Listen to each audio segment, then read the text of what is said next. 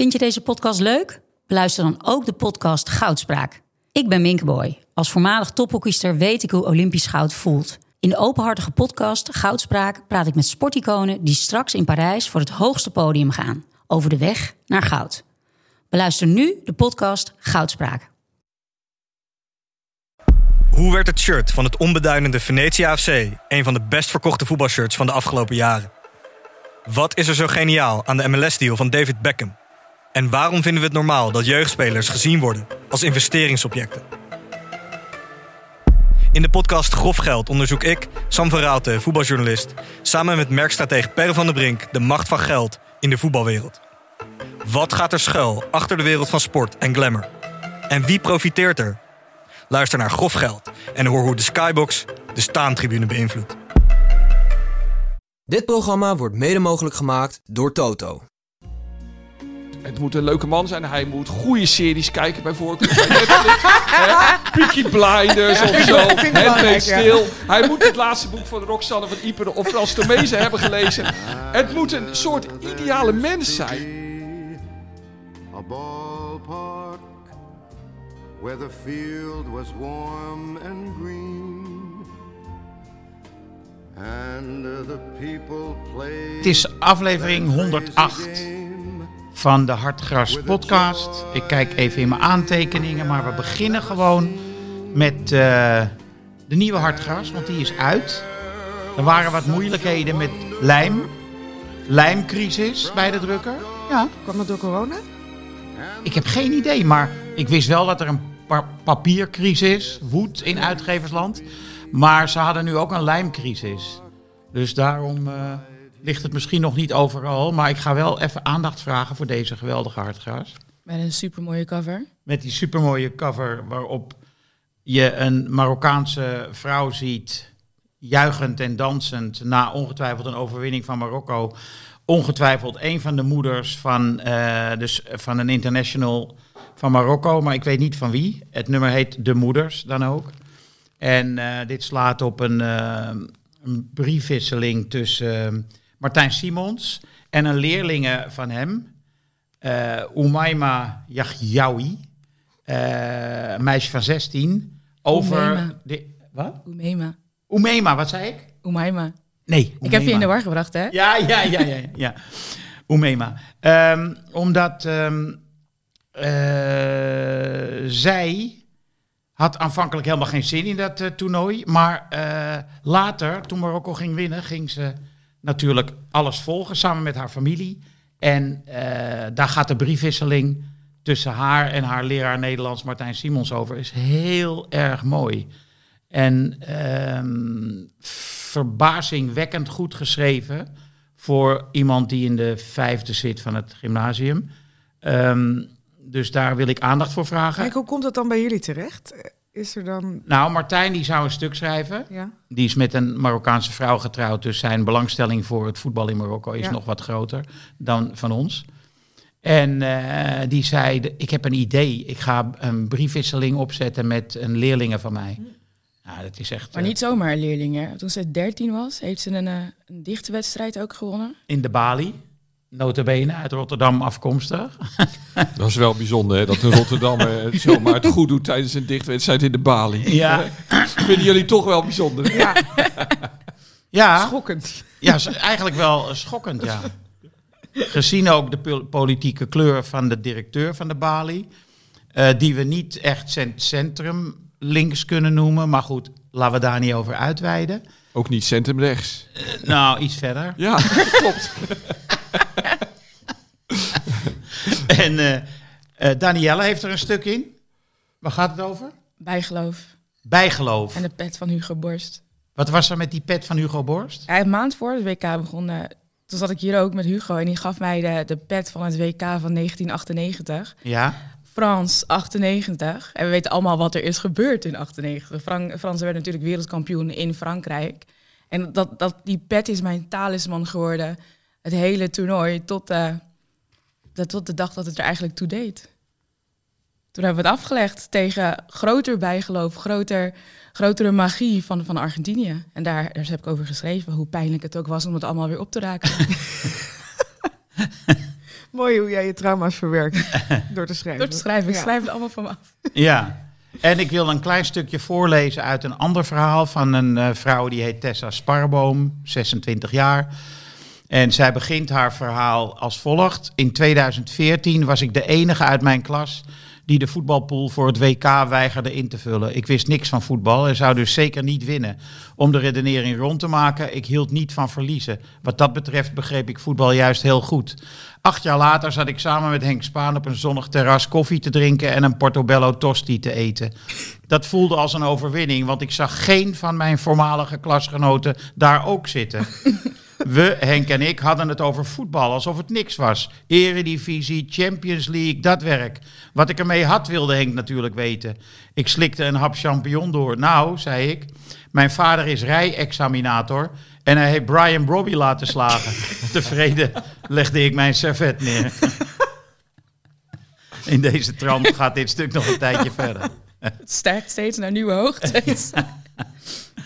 Is echt funny. Oké, nou, eh, Wessel. Oh ja, ik moet even jullie nog eh, introduceren. Wessel, Penning, Suze van Kleef en Danielle Kliwon. We hebben allemaal gekeken, uiteraard. We moeten maar echt beginnen met die wedstrijd. Ja, ik heb niet gekeken, maar Nee, want ja, jij het NEC uh, jij Go Ahead. net Go Ahead. Ja. En had je niet een schermpje naast je staan met... nou, kijk, er zaten dus twee jongens voor mij. Volgens mij werken ze voor Go Ahead of eh, voor de lokalen die ook eh, daar zijn. En eentje van hen, die zat gewoon de hele tijd naar Feyenoord PSV te kijken. dat vond ik zo schitterend. Omroep Gelderland in de is bocht. gewoon iets. om- die, die vond het ook. Nou ja, ik zat dus inderdaad bij Go Ahead NEC. Dat was ook een ongelooflijk saaie wedstrijd. Dus ik begreep het ook wel weer. Ja. Maar ik kon me dat niet permitteren. Dus ik heb gewoon ja, de radiocollega's het me laten vertellen. En eh, ik keek zelf wel naar de wedstrijd waarvoor ik was ingehuurd. Wie was, wie was de beste man? Man of the match? Simons. Siebels. Savi Simons? Nee, maar... s- Oh, nee. Bij Ja. Go Ahead NEC. Precies, ja. Ik bedoel- Oh, sorry Dave. Eh, nou, oh, best vind ik het moeilijk bij deze wedstrijd. Want niet veel mensen waren eh, Heel goed. Ehm, dus man of the match was uh, Vin Stokkers, die de bal eh Ja, die goed ingleed. Ja. Ja, maar dat was op, ook oprecht het enige hoogtepunt van die hele wedstrijd. Ja, je kan veel zeggen over Feyenoord PSV, maar dat er niks gebeurde, dat... eh, Nee. Nee, Nee, dus ik nee. vond Veel hoogtepunten en dieptepunten, denk ik. Eh, Wessel, eh, ben je gebroken naar huis gegaan of eh, opgelucht? Heel erg opgelucht, heel erg blijmoedig ook. En eh, eh, ik heb hier al vaak beschreven, ge- ge- of verteld, be- be- ik heb hier vaak beschreven de spoken in mijn bestaan. Hè? O- Ja. Over het Feyenoord supporterschap. En ik probeer die echt nu van me af te werpen, want ja, het zijn gewoon prachtige tijden. En eh, dus, dus ik was Maar durf gisteren... je het woord hoop al in de mond te nemen of dat nog niet? Oh, ik vind het zelfs... eh, Geloof? Ik, ik, Geloof ik inderdaad. vind, ik vind Feyenoord eh, de favoriet voor de titel. Eh, op dit moment wel. Omdat, kijk, kijk, naar die, kijk naar die wedstrijd van gisteren. was geen moment echt goed. Hè? Feyenoord speelde echt een van zijn mindere wedstrijden. Zeker ook vergeleken met die wedstrijd tegen Twente, Ja, een week eerder. Dat, dat was echt wervelend, hoog niveau. En dit was ook wervelend, maar een ja. laag niveau. Nou, er waren veel spelers niet in vorm. Maar dan de cijfers. Ja. 34 doelpogingen tegen 7 van PSV. Ja, maar, 14 corners. maar hoe, eh, Wessel, Ja. van die 34 doelpogingen waren er geloof ik 7 tussen de palen. Hè? Nee, maar dat is echt een probleem bij Feyenoord natuurlijk. Maar ik, wa- waar het mij om gaat, en dat heb ik vorig jaar ook al gezegd. Er wordt nu het voetbal gespeeld wat altijd al gespeeld had moeten worden in Rotterdam. Aanvallend voetbal. Ja, ik, ik blijf een ongelooflijke fan van Arne Slot. Ik, eh, gisteren komt Feyenoord puur op strijdlust en op kracht terug van 2-0 naar 2-2. Het, het was een fantastische wedstrijd. En natuurlijk vind ik het jammer. Feyenoord heeft nu drie matchpoints eh, ehm, ja, eh, verspeeld. Tegen Ajax, tegen Twente en PSV. Drie keer gelijk gespeeld, drie keer beter. Ja. Ehm, en, en, maar het klopt wel. Want Feyenoord is nog niet goed genoeg om echt dik bovenaan te staan. Dus, dus Ajax kan het ook nog worden. Maar verder eh, is dit het. Dus ik, ja, kom op. Dit is geweldig voetbal. En, en natuurlijk 2-1 verloren. Dat was voor het hele gevoel wel, wel, wel veel minder geweest.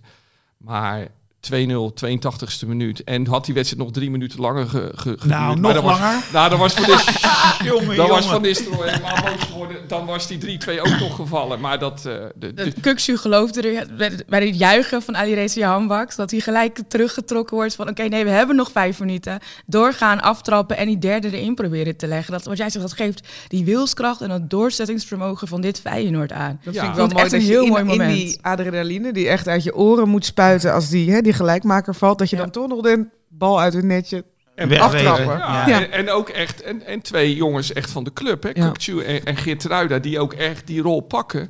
En eh, ja, dat is gewoon een, een grote go- goed nieuwsshow. En die duurt nu al, al anderhalf jaar. En eh, die, duurt, die zal duren zolang eh, Arne Slot trainer is bij Feyenoord. Ik moet wel eerlijk bekennen, toen die rode kaart er kwam voor Obispo, toen dacht ik wel even van, oeh, dit is gevaarlijk voor Feyenoord. Ik had een beetje een déjà vu met Twente Ajax toen eh, Ajax de rode kaart kreeg. Het is gewoon soms lastiger voetballen tegen tien man. En zeker als die tien man al voorstaan. Ja, ja ook Maar- omdat Feyenoord vrij matig speelde en niet veel creëerde.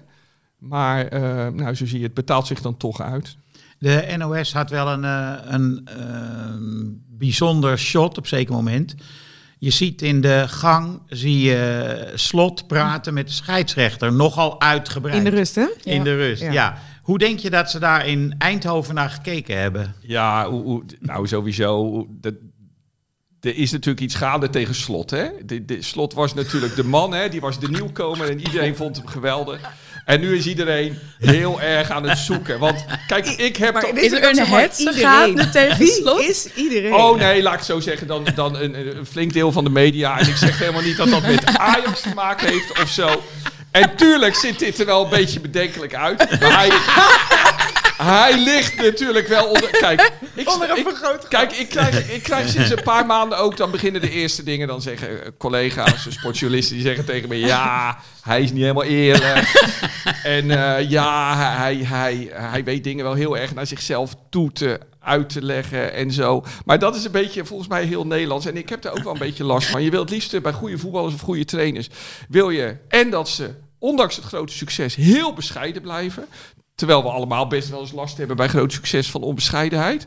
En, en, eh, en dat bescheiden. En hij moet, het moet een leuke man zijn. Hij moet goede series kijken bij voorkeur. Peaky Blinders of zo. Handmaid's. Tale. Hij moet het laatste boek van Roxanne van Ieper of Frans Tomezen hebben gelezen. Het moet een soort ideale mens zijn. Maar die heb je helaas niet in de voetbalwereld. Zeg maar allemaal dingen die niet op Schreuder toepasbaar zijn, die worden van Slot dan opeens ver- eh, verlangd. Ja, dus zo blijft hij onder een vergrootglas liggen. En, eh, Welke dus- series kijkt hij eigenlijk? Slot, ik zou het niet weten. Ik zou Oh. het niet weten. Maar de- ik denk, denk dat Danielle daar wel een is goede een analyse van kan maken. artikel-idee, nou, om even daarin Goed, te duiken. Ja, welke, welke populaire cultuur, de uitingen, culturele uitingen die, die slaan op Arne Slot? Ja, Wat leest hij? Wat kijkt hij? ja. Kijkt hij ook naar Love Island? Ja. weet het niet, hè? misschien heel stiekem. Ja, guilty pleasures laten zich natuurlijk Zit hij op meten, Twitter? hè? Zit hij op Twitter? Heeft hij een fake account? Nou, hij is wel heel actief in het, eh, in het appen met journalisten. Ja? Eh, ja, ja, dat ja. wist ik helemaal Ja. niet. Als in ja. dat hij zelf daar initiatief op neemt op het moment dat je een stuk hebt geschreven wat hij Ja, niet ziet? heel erg eh, de behoefte om te managen. Maar dat vind ik wel leuk, want dan doet hij dus eigenlijk hetzelfde als met de scheidsrechters. Zo van, Ja, ik ga eens heel even zeggen wat ik hiervan vind. ja je gelijk willen halen Ja. en zo. Maar het is allemaal, Ik het ben het allemaal heel niet mee eens. menselijk natuurlijk. Of hè. ik schreef iets bijvoorbeeld twee weken geleden over een voetballer van Ajax. Dat zijn agent mij meteen gaat lopen appen van eh, dit klopt niet. Ja. Want hij is beter dan jij zegt. Ongelooflijk. Ja, Ja, dat vind ja, ik. Ja, ja. Maar die lichtgeraaktheid van toptrainers en topvoetballers... Voetballers hebben niet, niet zo last van. Die zitten in hun eigen bubbel. Maar, maar trainers die, die willen ook graag gewoon al die credits krijgen en zo. Maar dat is heel menselijk ook natuurlijk, hè? Dat je wil dat de eerder wie eerder toekomt. Ik bedoel, en slot, ja, wat hij doet. Kijk, eh, eh, nog één keer met mijn slotverheerlijking dan. De laatste minuten van Feyenoord, op een gegeven moment wordt de linksback... Waldemark staat, op het laatst speelde Feyenoord zo. Wiever die stond laatste man. Geert Ruida stond er als een pitbull naast. Alles wat door kwam opvreten. Dan stond op rechts stond Pedersen, die stond bijna rechts buiten. Ja, Op maar dat stond- heeft, dat heeft bij Pedersen heel weinig zin. Nee, nou, nou, maar die dreiging de hele wedstrijd door. En dan Waldemark stond op dat moment linksback. En dan stond Kuksu er nog in het midden. En dan voorin liepen zes aanvallers. Ja. Ja, dat is toch prachtig dat je zo dingen probeert af te dwingen. Heel veel, heel veel trainers durven dat niet. Maar Wessel, ik herken gewoon echt niet dat er iets tegen slot gaande is. Ik heb het idee dat hij elke dag bewierookt wordt. Omdat hij het gewoon geweldig doet, omdat het spel leuk is, omdat de resultaten goed zijn.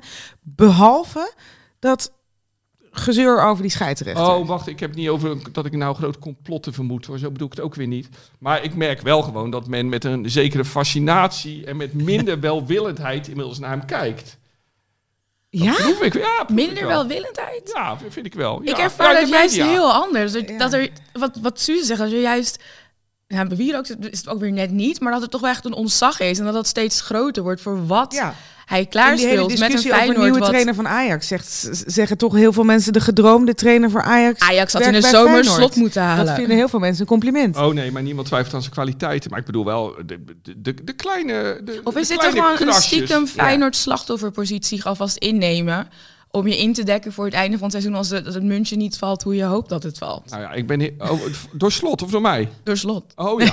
Oké. eh, nou, het zou tenminste, kunnen. Ik denk dat hij wel dat, een heel. dat ik jij denk je dat hij index wel- bedoel ik, hè? Ik denk dat hij wel heel slim en strategisch eh, denkt. Dat geloof Ja. ik wel. Maar er is toch wel vorige week kritiek op losgekomen. Omdat hij zo klaagde Ja. over die. eh, eh, over die, over die, eh, Penalty. die penalty. Ja. Maar Ja. dat is En toch dat- ook gewoon terechte kritiek. Dat, dat iedere trainer die te veel zeikt over de arbitrage en over in hun ogen verkeerde beslissingen, die kan er ook wel flink van langs krijgen in de media. En ik denk dat het bij slot juist meevalt, omdat er ook heel veel respect is voor Ja. wat hij allemaal wel voor elkaar krijgt. En is dat kleine, dat zeuren bij scheidsrechts, dat is volgens mij, dat valt een beetje het niet tegenover wat hij voor de rest klaarspeelt met Feyenoord. En inderdaad al niet nu pas, maar dit is echt een stijgende lijn die je al gewoon maanden, jaren ziet. Nee, maar, maar goed, wie, wie, wie weet eh, beperkt het zich dan tot, tot een deel van de media. In mijn beeld is men wel een beetje aan het zoeken. Maar laten we het proces even afwachten hoe, de- hoe, dat, hoe dat zal gaan. Nou ja, kijk, ik, vind, eh, ik heb het hier wel vaker gezegd. Wat heel goed is aan slot bijvoorbeeld.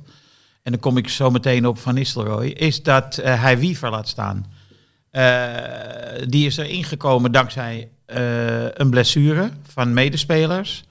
En eh, hij laat hem staan, terwijl het een onervaren jongen is die vorig jaar voor Excelsior eh, speelde, et cetera. Terwijl ehm, Van Nistelrooy maakte volgens mij gisteren nogal een fout door Veerman te wisselen. De enige speler bij PSV die de bal kan vasthouden. En dat is dus angst. En eh, terwijl Slot geeft blijk van minder angst in ieder geval doordat hij Wiever laat staan. Ook vertrouwen.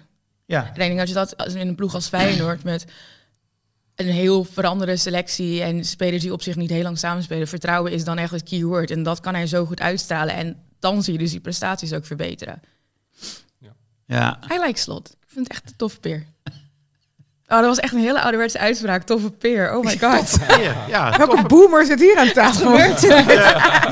de boemer zit hier en die kent het begrip toffe peren heel goed.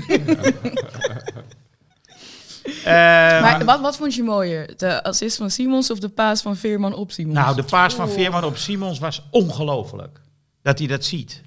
Nou ja, en de techniek, hè. Wessel En de- sterft hier een beetje. Nee, nee, maar ik ben een fan van, van Veerman. Maar ik, ik, die bal is vrij lang in de lucht onderweg. Dus hij kan echt wel even kijken. Er lag een zee van ruimte voor hem. Maar hoe die hem verwerkt, Ja, hij speelt goed, hem in één keer door. Hallo. Ja, in één keer. Maar dat, dat, ja, nou, dat, ik kijk er niet van op van Veerman. Dus ik vond het een voortreffelijke actie. Maar, maar ja, ik wil het hier gewoon vooral over Savi Simons hebben.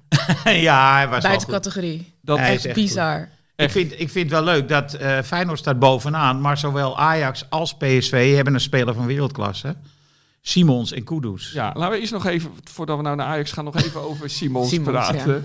Ik, ik bedoel, kijk, en ik zal jullie tegemoet komen, want het, eh, wat Simons, die soms zie je in het stadion, zie je op een gegeven moment wanneer een speler echt goed wordt, Ja. dan zie je de ongrijpbaarheid van de Ja, speler. de- Dan de- zie je hoe verdedigers jacht maken op hem. Niet eens schoppend, want dat, zo'n ploeg is Feyenoord niet. Maar ze kwamen allemaal te laat. Dus doordat ze allemaal te, te laat kwamen, gaat, gaan ze dan vanuit emotie eh, de duels aan. En dan ben je gezien tegen Simons. Dus hij was ongrijpbaar. En ik vergelijk het nu met een doelpunt dat... Ik heb het idee dat Suze en Danielle toen nog niet geboren waren. Doet maar- niet ter zake. De- maar Toen de oorlog werd gevoerd, ook niet. op 28 november 1982 in de Kuip, in hetzelfde doel, heb ik iets soortgelijks gezien. Een van de mooiste goals die ooit in een klassieker is gemaakt. Eh, tussen Feyenoord en Ajax. Jesper Olsen. Die had toen nog dat lichtblauwe TDK-shirt aan Ja. van Mooi Ajax. ja. En die, ah, je- kijk het na op YouTube, die heeft dan ook zo'n wervelende actie dat zes Feyenoord-spelers op hem doorjagen. En hij is gewoon niet van de bal te krijgen. Hij ontspeelt iedereen, inclusief de keeper, en, en scoort. Die wedstrijd werd 2-2 uiteindelijk. Ik heb hem live gezien. En gisteren had ik zo'n eh, Jesper Olsen moment in de Kuip met Simons. Die, die is niet te stoppen. Die jongen kan zo goed voetballen. Dat is... En hij lacht en hij vindt het leuk. En ik had vanmorgen mijn zoon aan de lijn over Simons. Hij zegt, ik kan geen hekel aan hem hebben. Dat is toch wel op zich bijzonder. dat wij zo praten dan over topspelers van, van concurrenten. Ik kan geen hekel aan hem hebben. En dat we dat dan positief vinden. Maar, maar, maar die jongen, dat is voetbal. Ja. Dat is een genot. En die moet in het Nederlands elftal. Ja, zeker.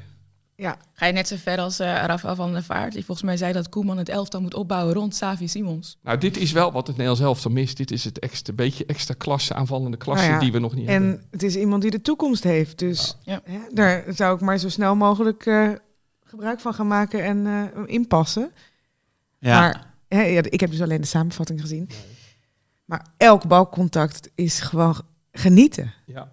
En dreiging is er eentje. Zorgen voor dreiging. Ja, want hij, je ziet gewoon dat inderdaad dat, dat, dat hij gewoon drie, vier verdedigers aantrekt en dan alsnog te slim af is. Ja. En altijd op het juiste moment op de sne- juiste snelheid Ja, de paas hij, geeft. hij demareert steeds weer in de sprint. Ja, want die goal, die, die, die assist die die die geeft, je kan hem ook naar links geven. Dat is een hele logische paas. Ja, Maar hij wacht, hij wacht. Eigenlijk hij wacht dat je denkt hij wacht te lang, waardoor hè, een deel van de verdediging weer terug is.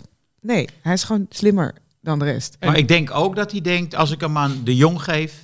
Laat Ja. maar. Ja, Maar dat, dat, dat, denk ik zeker. die analyse maakt hij en hij geeft hem ook nog in de loop. hè. Ja, helemaal perfect helemaal goed. in de loop. Ja. Ja. Dus Ja. Ja, maar dat, daar en hij is ook van, niet van de bal te krijgen. Hè? Nee. Hij is Ja. 1 meter, wat is het, 65 Ja. misschien? 1 Ja. meter 68. Ja. Max. En Nee, zo meer. sterk. Ja. Maar je ziet ook, het gaat- ging de laatste paar maanden, volgens mij voor het WK, ging het heel erg over scannen en overzicht en inzicht op het middenveld. En dat zie je bij hem zo erg terug. Hij, hij hoeft soms niet eens te kijken, want hij weet al wat hij gaat doen, waar iemand gaat staan en hoe hij die persoon kan helpen om het voor te zetten. Dat, jij doet dan de twee beste spelers zitten bij Ajax en PSV, Kudus en Simons. Maar dat is wel echt het grootste verschil ook tussen Simons en Kudus. Kudus maakt nog steeds trage beslissingen en dan nog heel vaak de verkeerde beslissing als hij moet pasen.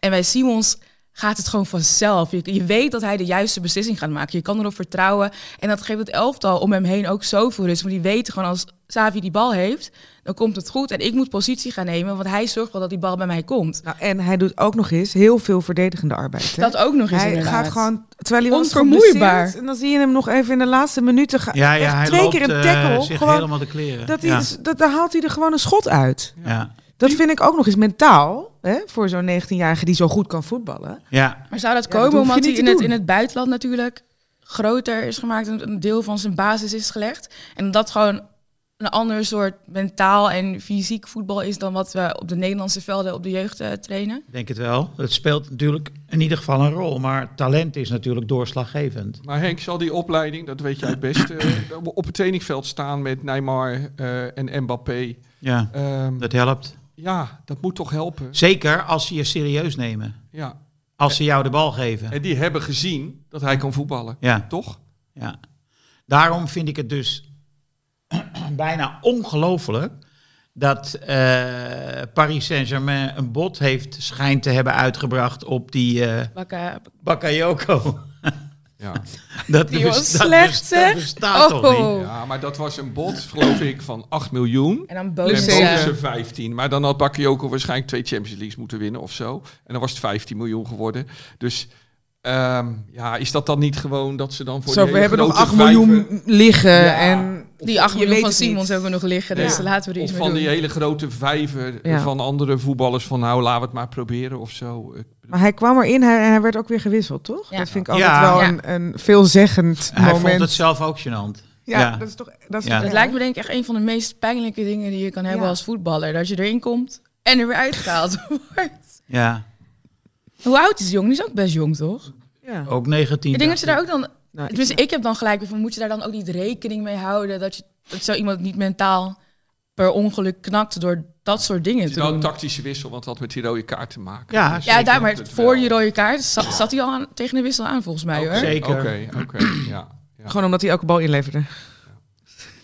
Die was, de rode kaart kwam goed uit, want dan kon je hem inderdaad onder de mom van tactische wissel kon je hem eraf halen.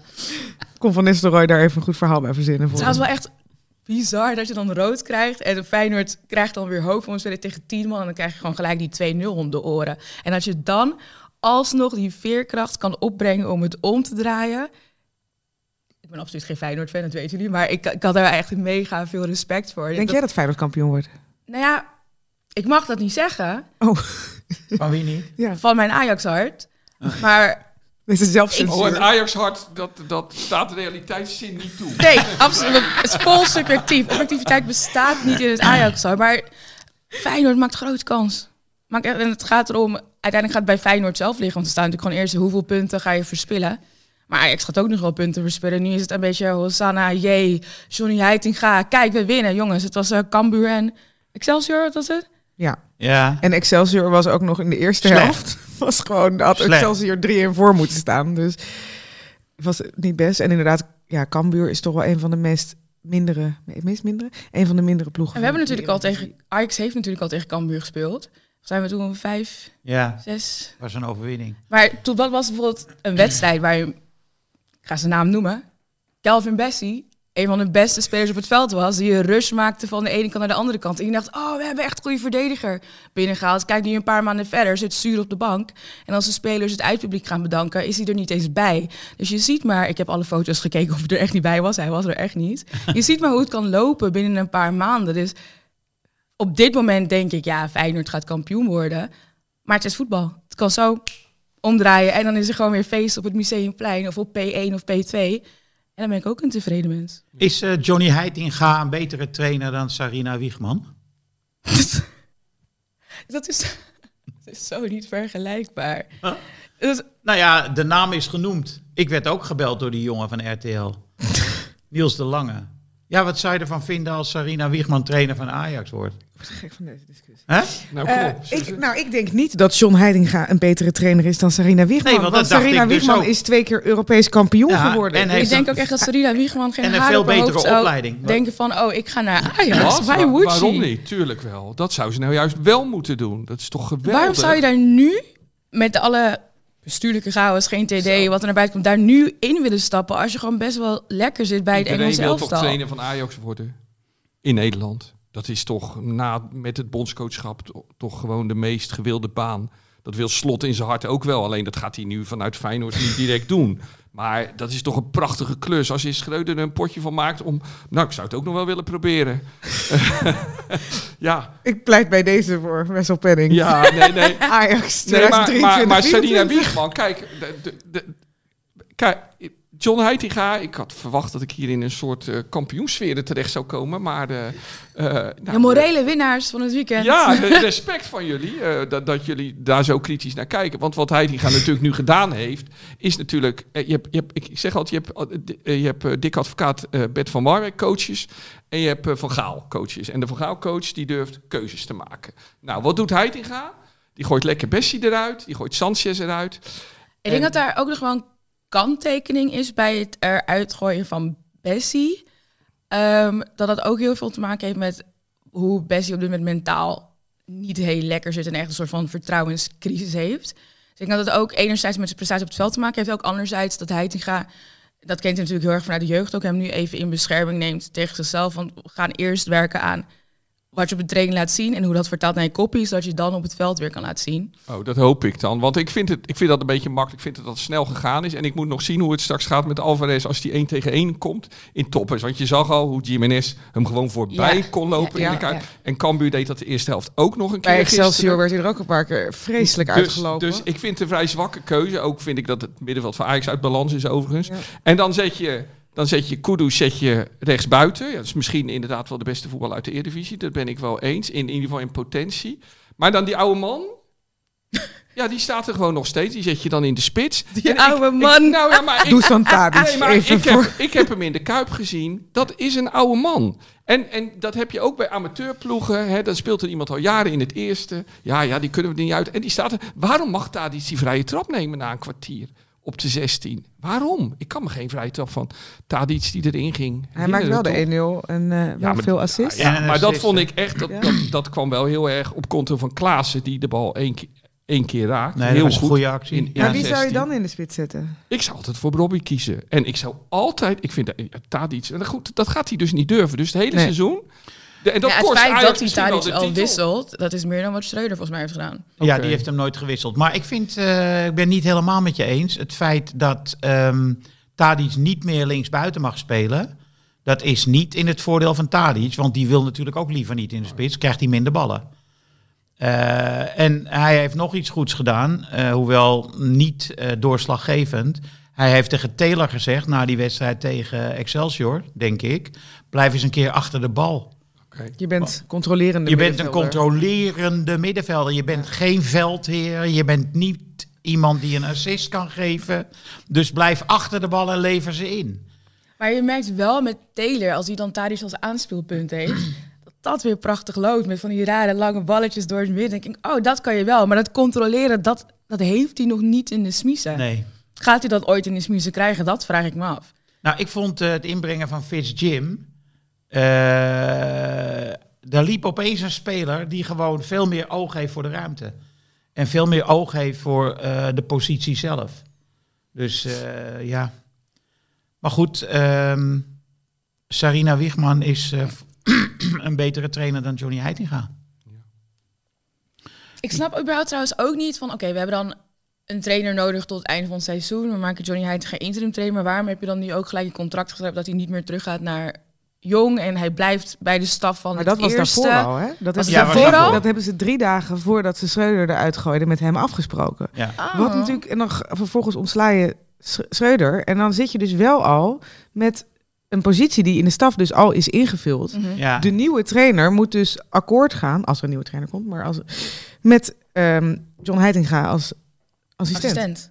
Hey, en wat, hoe denken jullie dat Michael Reiziger dit allemaal heeft Ja. bestudeerd? Deze hele ontwikkeling. Interessante vraag. Ik krijg nooit de hoogte van reiziger. Maar ik vind het ook altijd heel mistig wat zo'n assistent nou doet. Het kan Met zijn volgens mij- oortje. Het kan volgens mij een hele eh, ja, ondankbare baan zijn. Maar, wat, ik bedoel, John de Wolf.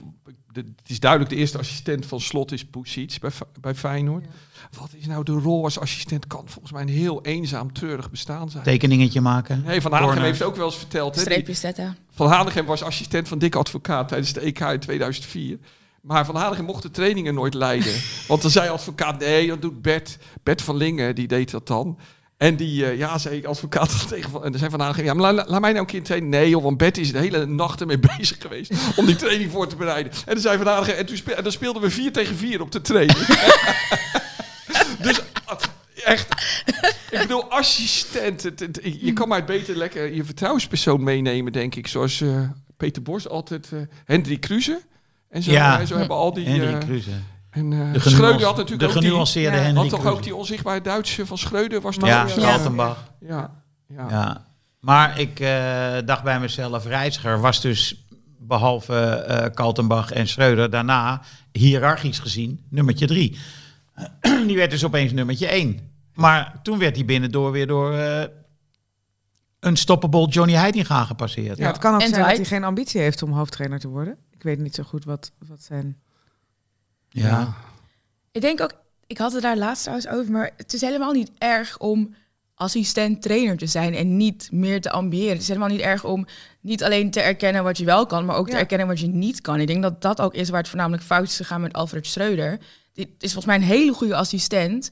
En die ambieerde meer en weigerde te accepteren dat hij gewoon een hele goede assistent is en geen hoofdtrainer. Dat hebben we in Duitsland gezien. Dat hebben we ook in het halfjaar bij Brugge gezien, waar hij natuurlijk wel kampioen is geworden.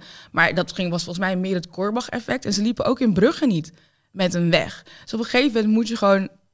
Het is niet zozeer dat je een plafond hebt, maar dit is mijn kracht. Hier ben Ja. ik goed in en hier ga ik het beste in worden. En niet proberen iets te zijn wat je niet bent. Ja. Jan Wouters was ook zo'n geval, hè? Eh, die was hoofdtrainer bij Ajax geweest. Was een geweldige speler, wel architect op het veld.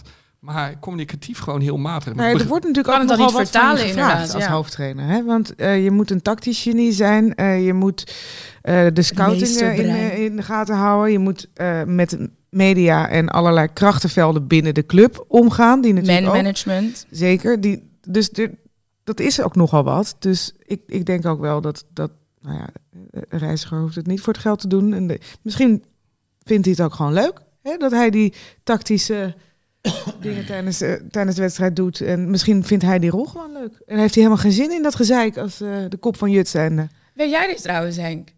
Alvarez, die, die was natuurlijk ook best wel trage handelingssnelheid. Stond altijd met zijn rug eh, naar achteren. Draaide de verkeerde kant op, maakte ook verkeerde beslissingen. En dat is er langzaam uitgeslepen. Hij heeft geleerd hoe het wel hoort. Wie was daar verantwoordelijk voor? Heeft hij dat met Bogarde geleerd of was het een andere assistent? Eh, toen speelde hij nog eh, centraal achterin, hè? dus Mhm. toen viel hij onder Bogarde. Maar ik denk dat het bij Alvarez gewoon eh, vertrouwen is, zelfvertrouwen. Ik denk dat Kudus zo'nzelfde soort ontwikkeling door zou moeten maken.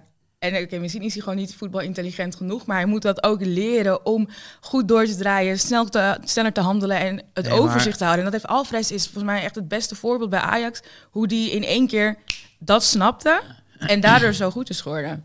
Maar wat Kudus betreft, kijk, eh Carinthia, eh, twee keer wereldkampioen voetbal, eh, had ook geen voetbalintelligentie. Die ging zijn man voorbij. Begrijp je?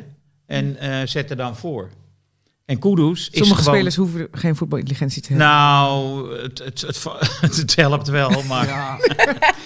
maar ik denk Probeer wel, het even af te pellen. Ik denk wel in deze tijd. Ik zag gisteren een tweet van Danielle van Kudus heeft de bal in een touwtje. En dat is ook een hele mooie thuis. Een boomer uitdrukking. Hè? Ja. Bal in een touwtje. Maar is Mijn wel een inner hele, boomer komt echt gewoon naar, maar, naar maar boven. het is wel, het is wel een hele mooie aanduiding. En ook iets, iets heel moois. Maar in het voetbal van tegenwoordig is het niet meer zo belangrijk dat je de bal in een touwtje hebt. Het gaat erom dat je ziet dat je de bal met één keer raakt. Ja. En dat doet Kudus dus nooit. Mijn theorie is een beetje, die kan zo goed voetballen.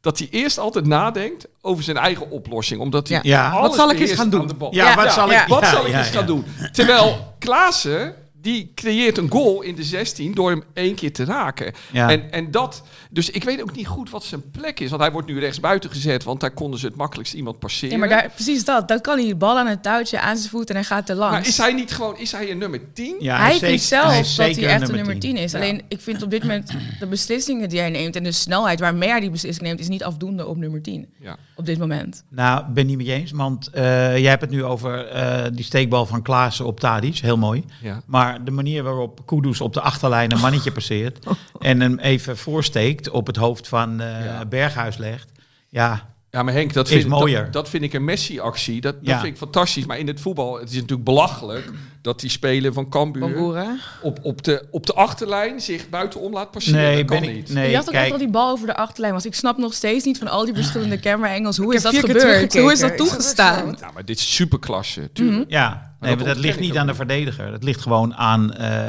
het genie van de aanvaller. Ja. Is dit een soort van Messi tegen Guardiol? Eh, Die ging ook zo bij de achterlijn er oh, Ja. ja, ja, Ja. ja, maar dat was ja, een kwestie ja, van ja. snelheid. Ja, Ja, ja, Dit ja. was techniek. Ja, uit stand was dit. Ja, dit Ja. Is, hij is een geweldige voetballer. Maar ik ben een beetje bang dat hij het bij Ajax... dat ze het, het hem nooit op waarde gaan schatten. Nou ja, dan wordt hij er- ergens anders eh 100 miljoen Ja, waard. maar, maar misschien loopt hij dan tegen hetzelfde probleem aan... dat het voetbal van tegenwoordig zo snel is... dat, dat één keer raken het allerbelangrijkste is.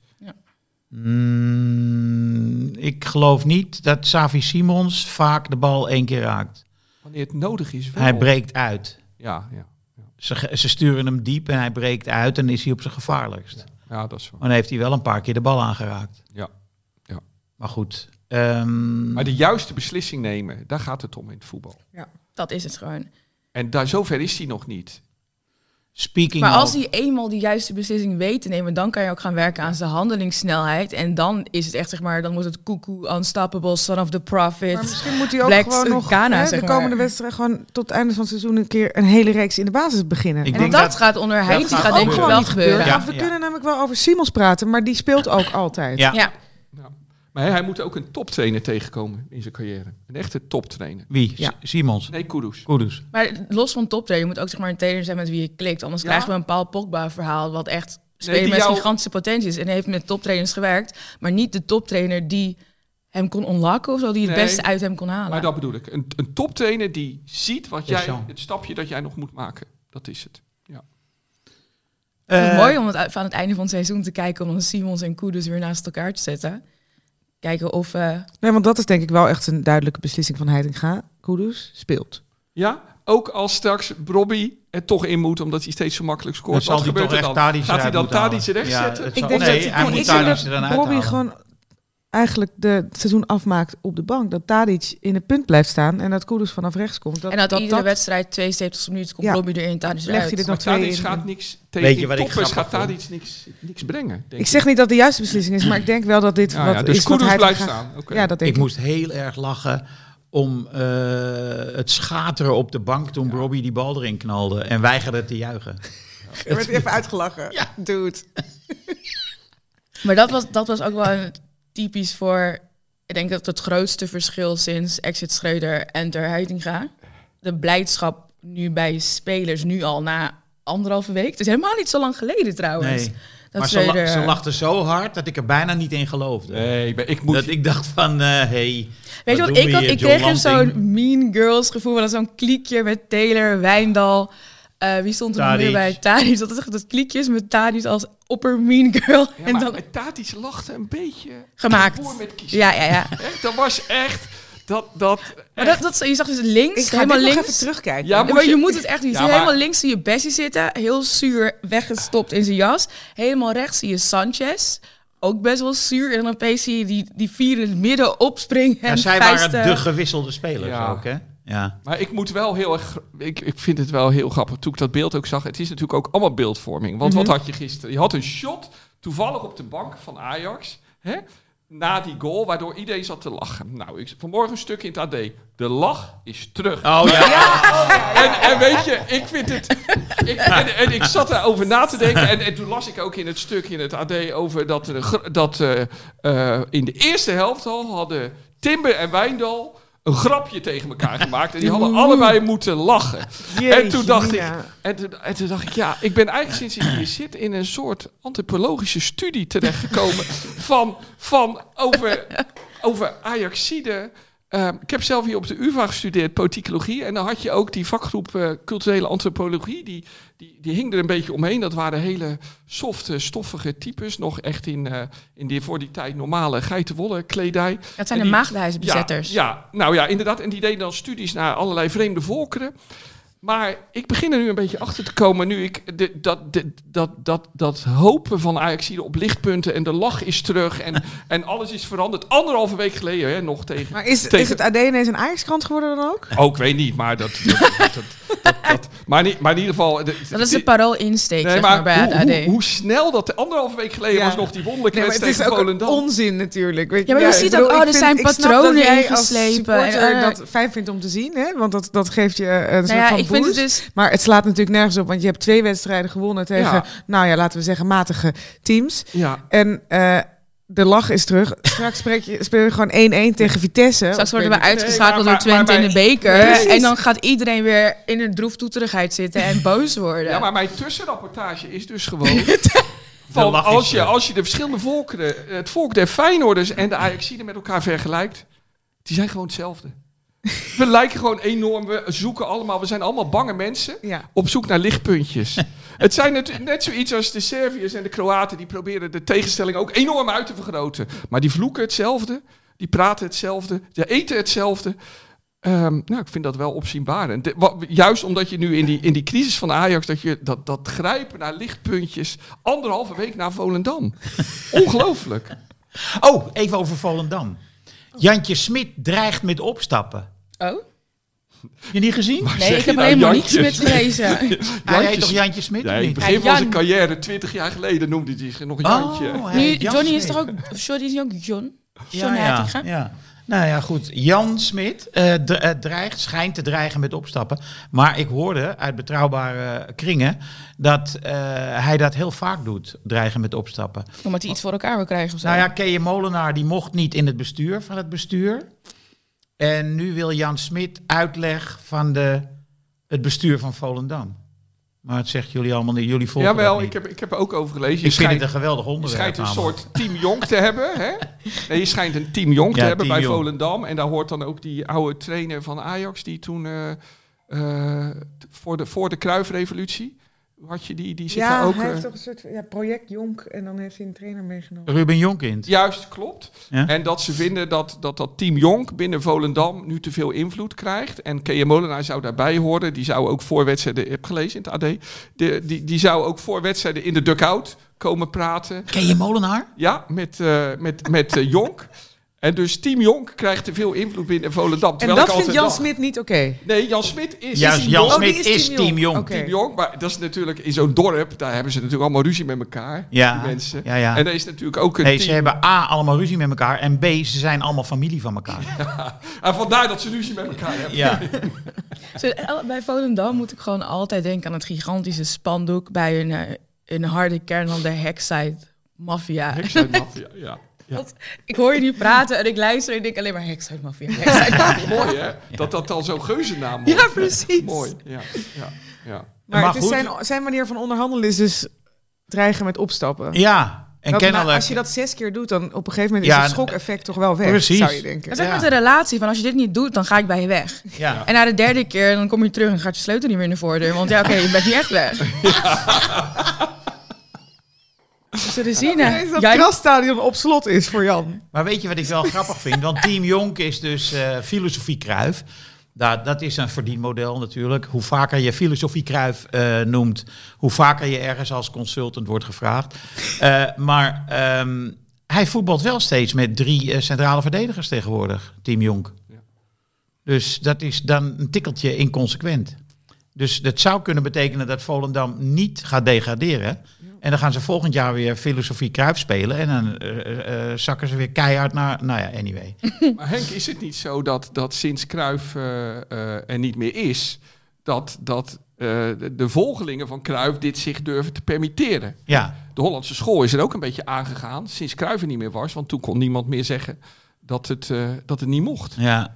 De discipelen die zeg maar hun eigen gang gaan en zelf een nieuw boek gaan schrijven. Ja, en en in een, en in van een het andere woord. tijd leven, andere Ja. omstandigheden en daar durven vooruit te komen, want de grote leider is er niet meer. Ja. Dat, Eh, wie is de koning van de week? Nou ja, laat ik even helemaal out of left field gaan. Ik bedoel, Simons... Out of left field. Iets totaal anders, Simons. Kudus. Ik denk dat jij Kudus gaat zeggen. Ik gok dat Suze Simons Nee. gaat zeggen. Niet? Nee, was ik niet Ik van was plan. het ook niet van Ik had hier dus heel lang over nagedacht eh, toen ik hier naartoe kwam. Dat ik, die kan ik niet nemen. En ik heb eigenlijk ik keek dus naar Groningen-Twente. Ja. Ja. Wat me echt heel erg verraste dat Groningen gewoon terugkwam en gelijk speelt. En het- ik weet niet meer wie de commentator was, maar die zei... Groningen heeft dit seizoen al 33 spelers opgesteld.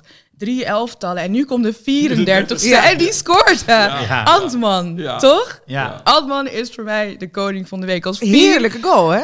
Mooie goal. 34ste speler bij Groningen, wat in een diepe crisis verkeert. Ja. En vervolgens kom je even die gelijkmaker maken en stel je Ja. toch wat Nou, punten en veilig. assist, geweldig assist. ik bedoel, iedereen moet dit nog even gaan Ja, terugkijken. Want ik, ik heb dit vanochtend nog even, want ik zat in de auto terug. En de commentator was extreem enthousiast. Dus dus dacht ik gewoon, moet het en, en Hugo eh, ook. Dus op de radio was het een soort van, kijk dit nog terug. Dus nou, dat, dat doe je dan natuurlijk. En dat is gewoon geweldig. Zo'n chip, van wie was die assist? Heuven. Dat is een nieuwe speler. Ja, Dat Mark, was dan Mark nummer Jan 33 Verderes- waarschijnlijk. Precies. 33ste. Mark-Jan Verderes heeft hè, een aantal nieuwe spelers nog aangetrokken heeft op zijn 34 laatste werkdag. spelers achtergelaten. zes, zes, zeven of acht. Ja, op zijn laatste zoiets. werkdag heeft hij nog even... Maar goed, dus een, de, de assist en de doelpuntenmaker nieuw, nieuw aangetrokken. En die andere, die donkere jongen, ik ben zijn naam even kwijt. Manu. Ja, ik zag die ook en ik dacht... Elvis Manu, ja, Ja. die kennen we wel. Oeh, nou, ik, vind Ja. het- ik vond het gewoon leuk om naar Groningen te kijken. Ja. Ja. Ja. Dus Oké, een kroontje. een Dus kroontje jij zegt Antman. Antman. Oké. Ik dacht ook eh, toen iedereen bij Ant Antman hè, Ja. in, om zijn nek vloog. dacht Ant-Man, ik, de ik, superhero. nee, ik dacht, jullie kennen hem twee dagen. Ja, maar dat vind ik schitterend. Maar dat, maar dat dacht ik ook bij Hazard. Dat je dan zo- zo van, oh ja, Ja.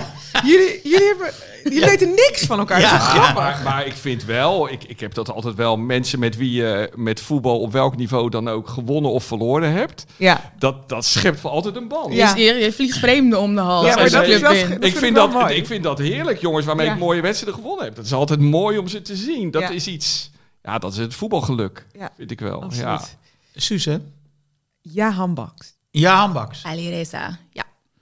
Eh Wessel? Nou, kijk, dit is vaak een beetje politiek. Hadden we de vorige keer ook al. Toen heeft Henk een mooi gebaar gemaakt. Toen het dreigde Berghuis te worden na zijn reden.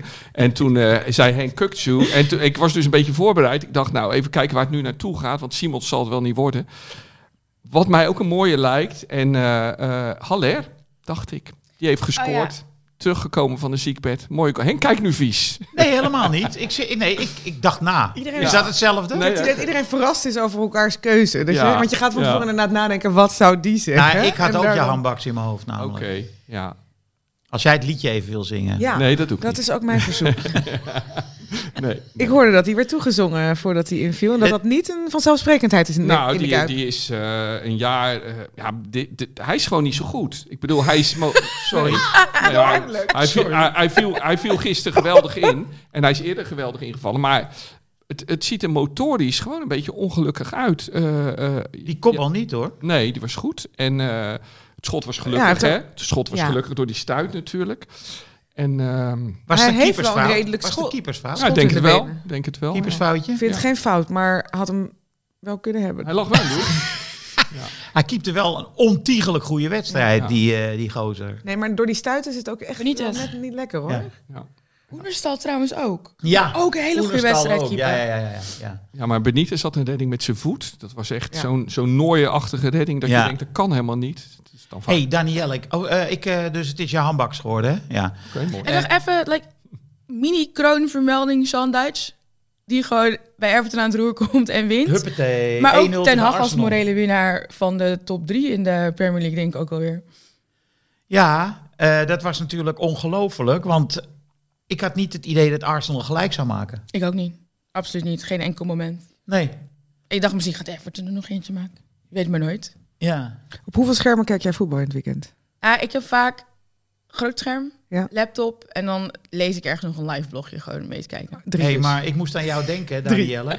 Want ik heb eh, deze week twee keer een wedstrijd van Toulouse gezien. Branco! Ik heb twee keer Branco van de Bomen zien Ik uitblinken. hoop dus zo dat hij nog eentje zou prikken tegen PSG. Oh Ja, my god, nou ja, die is echt erin. helemaal... We staan nu negende, hè? Ja, En ik weet toen ik hem sprak aan het begin van het seizoen, nou begin was het oktober denk ik, en hij, hij maakte zich ook heel erg zorgen van oké, dit seizoen gaan er vier teams degraderen uit de League 1. Dus het is extra lastig voor hun als nieuwkomer. Het enige wat ze kunnen hopen is eh, zich staande houden met weinig blessures, hopen dat het lukt. En die staat gewoon negende, gewoon lekker in het linkerrijtje. ja En- mede dankzij hem. Ze leggen ook gewoon, Hij heeft Mooi acht spel op de assists, mat. Acht assists, eh, vijf goals. hij gaat waarvan, lekker. waarvan vier penalties. Maar eh, Alsnog. in ieder geval die vrije trap, hebben jullie gezien? Ja, ja. Die schoot hij er echt heel goed dat in. was helemaal bewust, hè? Ja. ja, ja. En tegen Donnarumma. Best in een rare hoek, hè? In een rare hoek. Ja. En hij zette Donnarumma op zijn verkeerde been. Door iets in de aanloop. Want die stapte naar, naar de linkerkant en de bal ging naar rechts. Ja. Dat is echt wel heel mooi. Henk, maar hij Henk, speelde ook goed. Is, Branko van de Bomen niet... Kan je dat niet gewoon vergelijken met Wiever? Hè, van de Bomen heel jarenlang heel goed bij Eindhoven. Hè? Wiever heel goed bij Excelsior. Feyenoord heeft bij toeval Wiever... Nou, laat maar doen, 8 ton. Kunnen we wel doen voor de bij. Gokje wagen. Ja, blijkt dan een goede speler. Maar zo'n Van de Bomen, hè, dat is dan iemand die bij Ajax in het begin even tekort komt. Maar dan is hij op een gegeven moment 2,23, zoals Wiever tekort kwam bij, bij Twente, waar hij nog met Seruki heeft gespeeld. Ja, en dat je dan op een, op een dag goed genoeg bent, eigenlijk geeft dat wel te denken. AZ haalt nog wel eens iemand uit de keukenkampioen eh, Ja. Competitie. Maar Maar bij Feyenoord en Ajax en PSV doen dat eigenlijk nooit. Hè? Branco heeft ook, ook te maken met de trainer die hij nu bij Toulouse heeft. Die hem heel veel vertrouwen heeft gegeven. En hij gaf zelf ook aan dat waar het bij Ajax verkeerd ging in Nederland was echt het mentale aspect. Ja. En dat heeft hij nu onder zijn trainer bij Toulouse. Dat, dat vertrouwen wel, geleerd met bepaalde dingen omgaan. En dat verbetert zijn spel gewoon. Ja, en eh, Toulouse scout enorm op stats. En, Data, ja, echt een dataclub. en die waren heel goed. Dat, is- die man, Comolli, die heeft bij Spurs gezeten en zo. En Mhm. eh, bij allerlei clubs die dat op dat moment belangrijk vonden. Even later nemen ze konten bij de Spurs. Dus dan laten ze dat ook even vrolijk weer allemaal los. Maar ehm, Ik denk ook dat zij wel echt de enige club op het hoogste niveau zijn die echt op data scouts. Ze gooien gewoon een paar waarden erin die ze willen hebben. Daar rolt een speler uit. En dan pas, als hij voldoet aan die, die, die statistieken, criteria, zeg maar, ja. dan pas gaan ze eerst het gesprek met die speler aan. En dan sturen ze indien nodig nog een Scout. scout. Ja. Ja. Maar Brentford doet dat niet meer inmiddels. Brentford heeft het moneybal natuurlijk. Ja. Maar die pakken het wel met, met, echte wow, met echte scouts nog aan. Ja, ja. En bij Toulouse is zeg maar de scout is echt het laatste stadium. Dat is net eh, zoals eh Oakland. Financieel Oakland ook wel aantrekkelijk, denk ik. Toch? Ja, maar Als dat is ook denk ik het grote verschil met, met. Brentford. En dat heb je natuurlijk gewoon in Engeland. Het Ja. traden van de spelers en spelers ook halen omdat je erop wil gaan verdienen. En bij Toulouse kijken ze echt hoe wordt dit elftal er sterker Ja. van. En hoe kunnen we bouwen op de toekomst. Ik vond het heel grappig. Hij speelde dus min of meer op Messi hè, van de bomen. Nou ja, als hij ergens eh, op is afgetest in Nederland bij bepaalde clubs, Ajax, Heerenveen en misschien zelfs ook wel RKC heeft hij ook nog gezeten, eh, dacht ik, weet niet zeker. dan is het handelingssnelheid en eh, ja, echt handelingssnelheid. Terwijl hij moest op Messi in de, in de, in de, in de positie. En ja, het was echt heel... eh, Messi werd ook kwaad op hem, heb je gezien? Ging hem lopen uitschelden. Zei jij die doet een bobo? Ja, ik zei, hij, zei, hij, zei, hij zegt Bobo nu tegen hem. maar Messi had er, had er helemaal genoeg van. Die Hij, was stond, hem echt zat, ja. hij stond niet echt puur in de mandekking, maar hij moest hem in de positie steeds maar dan weet je dat je het goed doet. Ja. Maak hem maar lekker boos. Raak geïrriteerd en gefrustreerd. Ja, ik denk Prima. dat dat een van de grootste eren is die je kan Messi hebben. wordt kwaad op jou. Tuurlijk. Ja, ja, ja. ja, ja. It's a badge of honor. Ja. ja.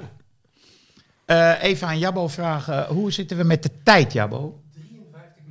Kijk. 53 minuten. Nou ja, moeten we het nog over Mason Greenwood hebben? Die eh, misschien of misschien niet bij Manchester United eh, in ere wordt hersteld. Maar hebben de spelers eer- aangegeven toch dat ze hem niet terug willen? Spelers? Ja, Ja? dat stond volgens mij gisteren of eergisteren. Social media. Nee, in een Britse krant, maar ik weet even niet meer welke. Ik ga het even opzoeken en dan eh, stuur ik het wel door. Maar ze hebben dus aangegeven, hij zat voor te veel onrust in de kleedkamer zorgen, ze willen hem hier niet terug. Nou ja, hij staat natuurlijk gewoon nog onder contract. De aanklacht is ingetrokken, of getuigen hebben zich teruggetrokken. Nou, die denk getuigen zijn natuurlijk zijn, familieleden zijn van haar. vriendin zich als getuige... Verloofde inmiddels. Oh, ze, het is weer helemaal aan. Ja, maar ik denk dat zij zich dus heeft teruggetrokken. Ja, Want er En als stond... Manchester United moet je dan de beslissing nemen. Er, is, hè, er zijn bandopnames, Ja, die hebben we gehoord. foto's, filmpjes. dat weet ik eigenlijk niet. Of eh, behalve justitie andere mensen ook die bandopnames hebben gezien. Ja. Ja, die Ja? zijn, Die die heb- zijn ik heb zo gehoord. Oh ja? was Ja. gewoon een Oh. Instagram story. Heel Oké. akelig En toen om, zei om ze naar dat, te eh, luisteren. De Dus, telefoon was gehackt, toch? ja. En dat ze dus niet publiek wilde maken. Maar het, zeg maar het Engelse OM heeft toen besloten om te gaan vervolgen. Het is niet dat zij een aanklacht heeft ingediend. Op maar, basis van het lekken van, ja. maar op basis van haar getuigenverklaring, volgens mij die van haar vader en nog eentje, dat was ook een deel van het bewijs in de zaak. En aangezien die getuigen zich terug hebben getrokken, waaronder zij dus, Ja, heeft het OM eigenlijk geen zaak meer. Ja, en het is natuurlijk dus zo dat het... Hè, er wordt niet overgegaan tot vervolging, maar dat betekent niet dat er niets gebeurd is. Nee. En daar moet je dus als club eh, aan denk, de beslissing nemen. Vinden wij het oké als zo iemand voor ons werkt? Ja, als de spelers het al eh, niet willen, dan kunnen ze maar beter gewoon ontslaan. Jawel, maar goed, ik denk dat je als club ook een bepaalde morele beslissing te Zeker, nemen hebt. En maar niet de- moet die wachten op wat de spelersgroep vindt. Ja, maar dit is dus Ja. de legale kant, de juridische kant en de morele kant. Ja. Mag je op wat, welke reden kan je zijn Mhm. contract ontbinden? Aangezien hij dus nu, nou niet zozeer onschuldig, maar hij wordt gewoon niet meer vervolgd. Heb je dan überhaupt juridisch gezien een potem op te staan en zeggen ontbinden Ja, hij kan natuurlijk gewoon dan misschien eh, dit eh, bestrijden. Tenzij hij akkoord gaat inderdaad van oké, geef mij zoveel geld en dan Ja. ja, Ga weg. prima. Maar Ja. Kijk, het is natuurlijk, je, moet je moet zo iemand een enorme klap geld dan meegeven. Hè? Want er is de, eh, juridisch gezien eh, misschien geen grond om hem te ontslaan. Hij heeft wel eh, altijd doorbetaald gekregen. Zelfs toen hij vast zat. Ja, maar da- op zich, hè, je bent toch ook onschuldig tot Nou het ja, tegendeel goed, bewezen is. Dus Ja. de, dat is de andere Kijk kant van het verhaal. naar Party, Thomas Party bij Arsenal. Daar loopt nog, loopt volgens mij nog twee onderzoeken. Kijk naar Benjamin Mandy. Ja. Mandy, Niet die nog geloven vast dat zit die voor gozer- twee andere zaken. En voor vijf is hij wel niet schuldig bevonden. Ja. Heel veel Ja. mensen verwarren niet schuldig voor onschuldig. Ja. It's not the same. Nee, is en zeker in huiselijk bewijs. geweld niet. Hè? Ik bedoel, dat is, ja, dat, Precies. dat, wordt, dat is heel vaak juridisch niet bewezen, maar dan betekent niet dat het niet gebeurd is. Precies. Maar clubs nemen toch zelden een beslissing op morele gronden. Ja. Die denken gewoon aan de transferwaarde van die speler. Kijk naar Ajax en Promes. Ja, dan denken ze toch gewoon, nou dan gaan we die van Greenwood van de zomer wel, eh, wel verkopen. Want die willen gewoon die, die miljoenen niet Ja, die kan ook naar Rusland of Saudi-Arabië of Qatar of zo. Nou, wat zal zo'n speler waard zijn? 15? Meer, denk ik. Nou ja, ik bedoel, dat gaan ze niet dat is wel het weggooien. Dat is grootste het erge. talent van, eh, van Ja. United. Heracles durfde zelfs niet van Rijvloed af. Vonden ze ook zonde van het geld. Oh ja. ja.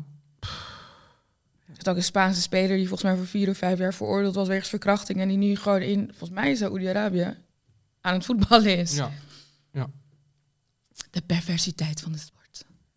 Nou, niet alleen je van noemt de ook sport. Saudi-Arabië. Ja, Nog één positief. het vrouwenvoetbal. Ja, nee, Oh de, de nieuwe Oh ja, van ben het blij WK. dat je dat even noemt. Dat was ik vergeten. Oh, Ja, Henk die dacht dat het speld was. Die dacht dat het niet echt was. Ik dacht dat het een spel Ja, maar was. zo ja. las het ook gewoon. Ja, ja, ja, ja. ja, Want Leona ja. Leon Stedtler nog zegt, nou ja, sinds een half jaar mogen vrouwen ook naar het stadion. Ik snap het helemaal. Let's do this. Ja, maar je komt wel, want ik moest natuurlijk ook lachen om zo'n om zo'n eh, leus visit Saoedi-Arabië. Ik, ik moet er niet aan denken. Maar dat, Nee, is, dank je. maar dat is natuurlijk weer precies zoiets. Wij hier in de westerse wereld moeten er niet aan denken om naar die verschrikkelijke resorts in Saoedi-Arabië te, gaan- te gaan. Want dat zijn natuurlijk van die so- eh, resorts met all you can eat en zo.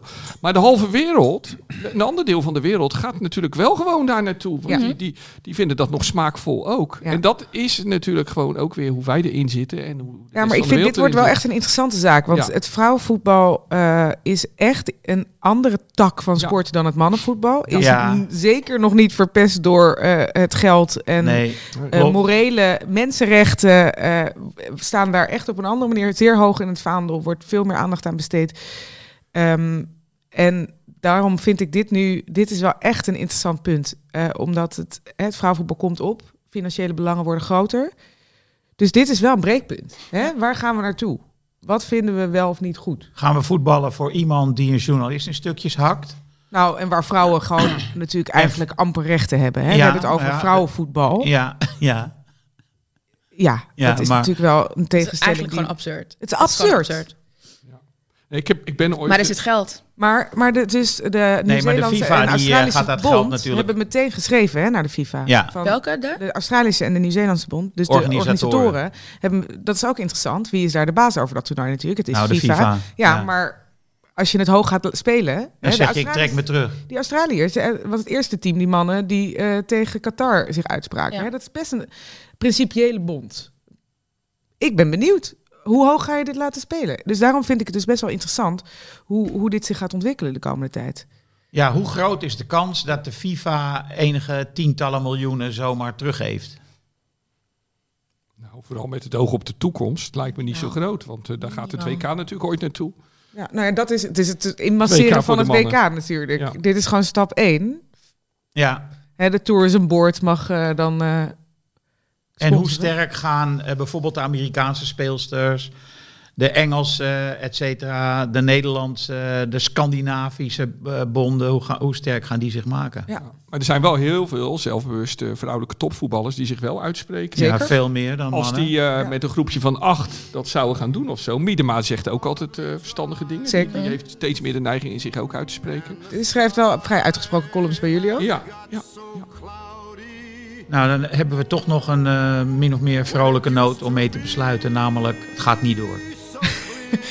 Of, nou ja, dat is dus nog steeds. Het is ook nog niet officieel bevestigd dat ze die sponsoring gaan doen. Hè? Dus er rommelt iets.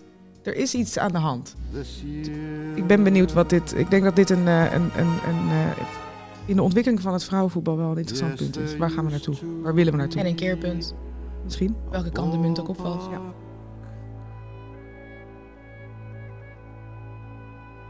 Right here.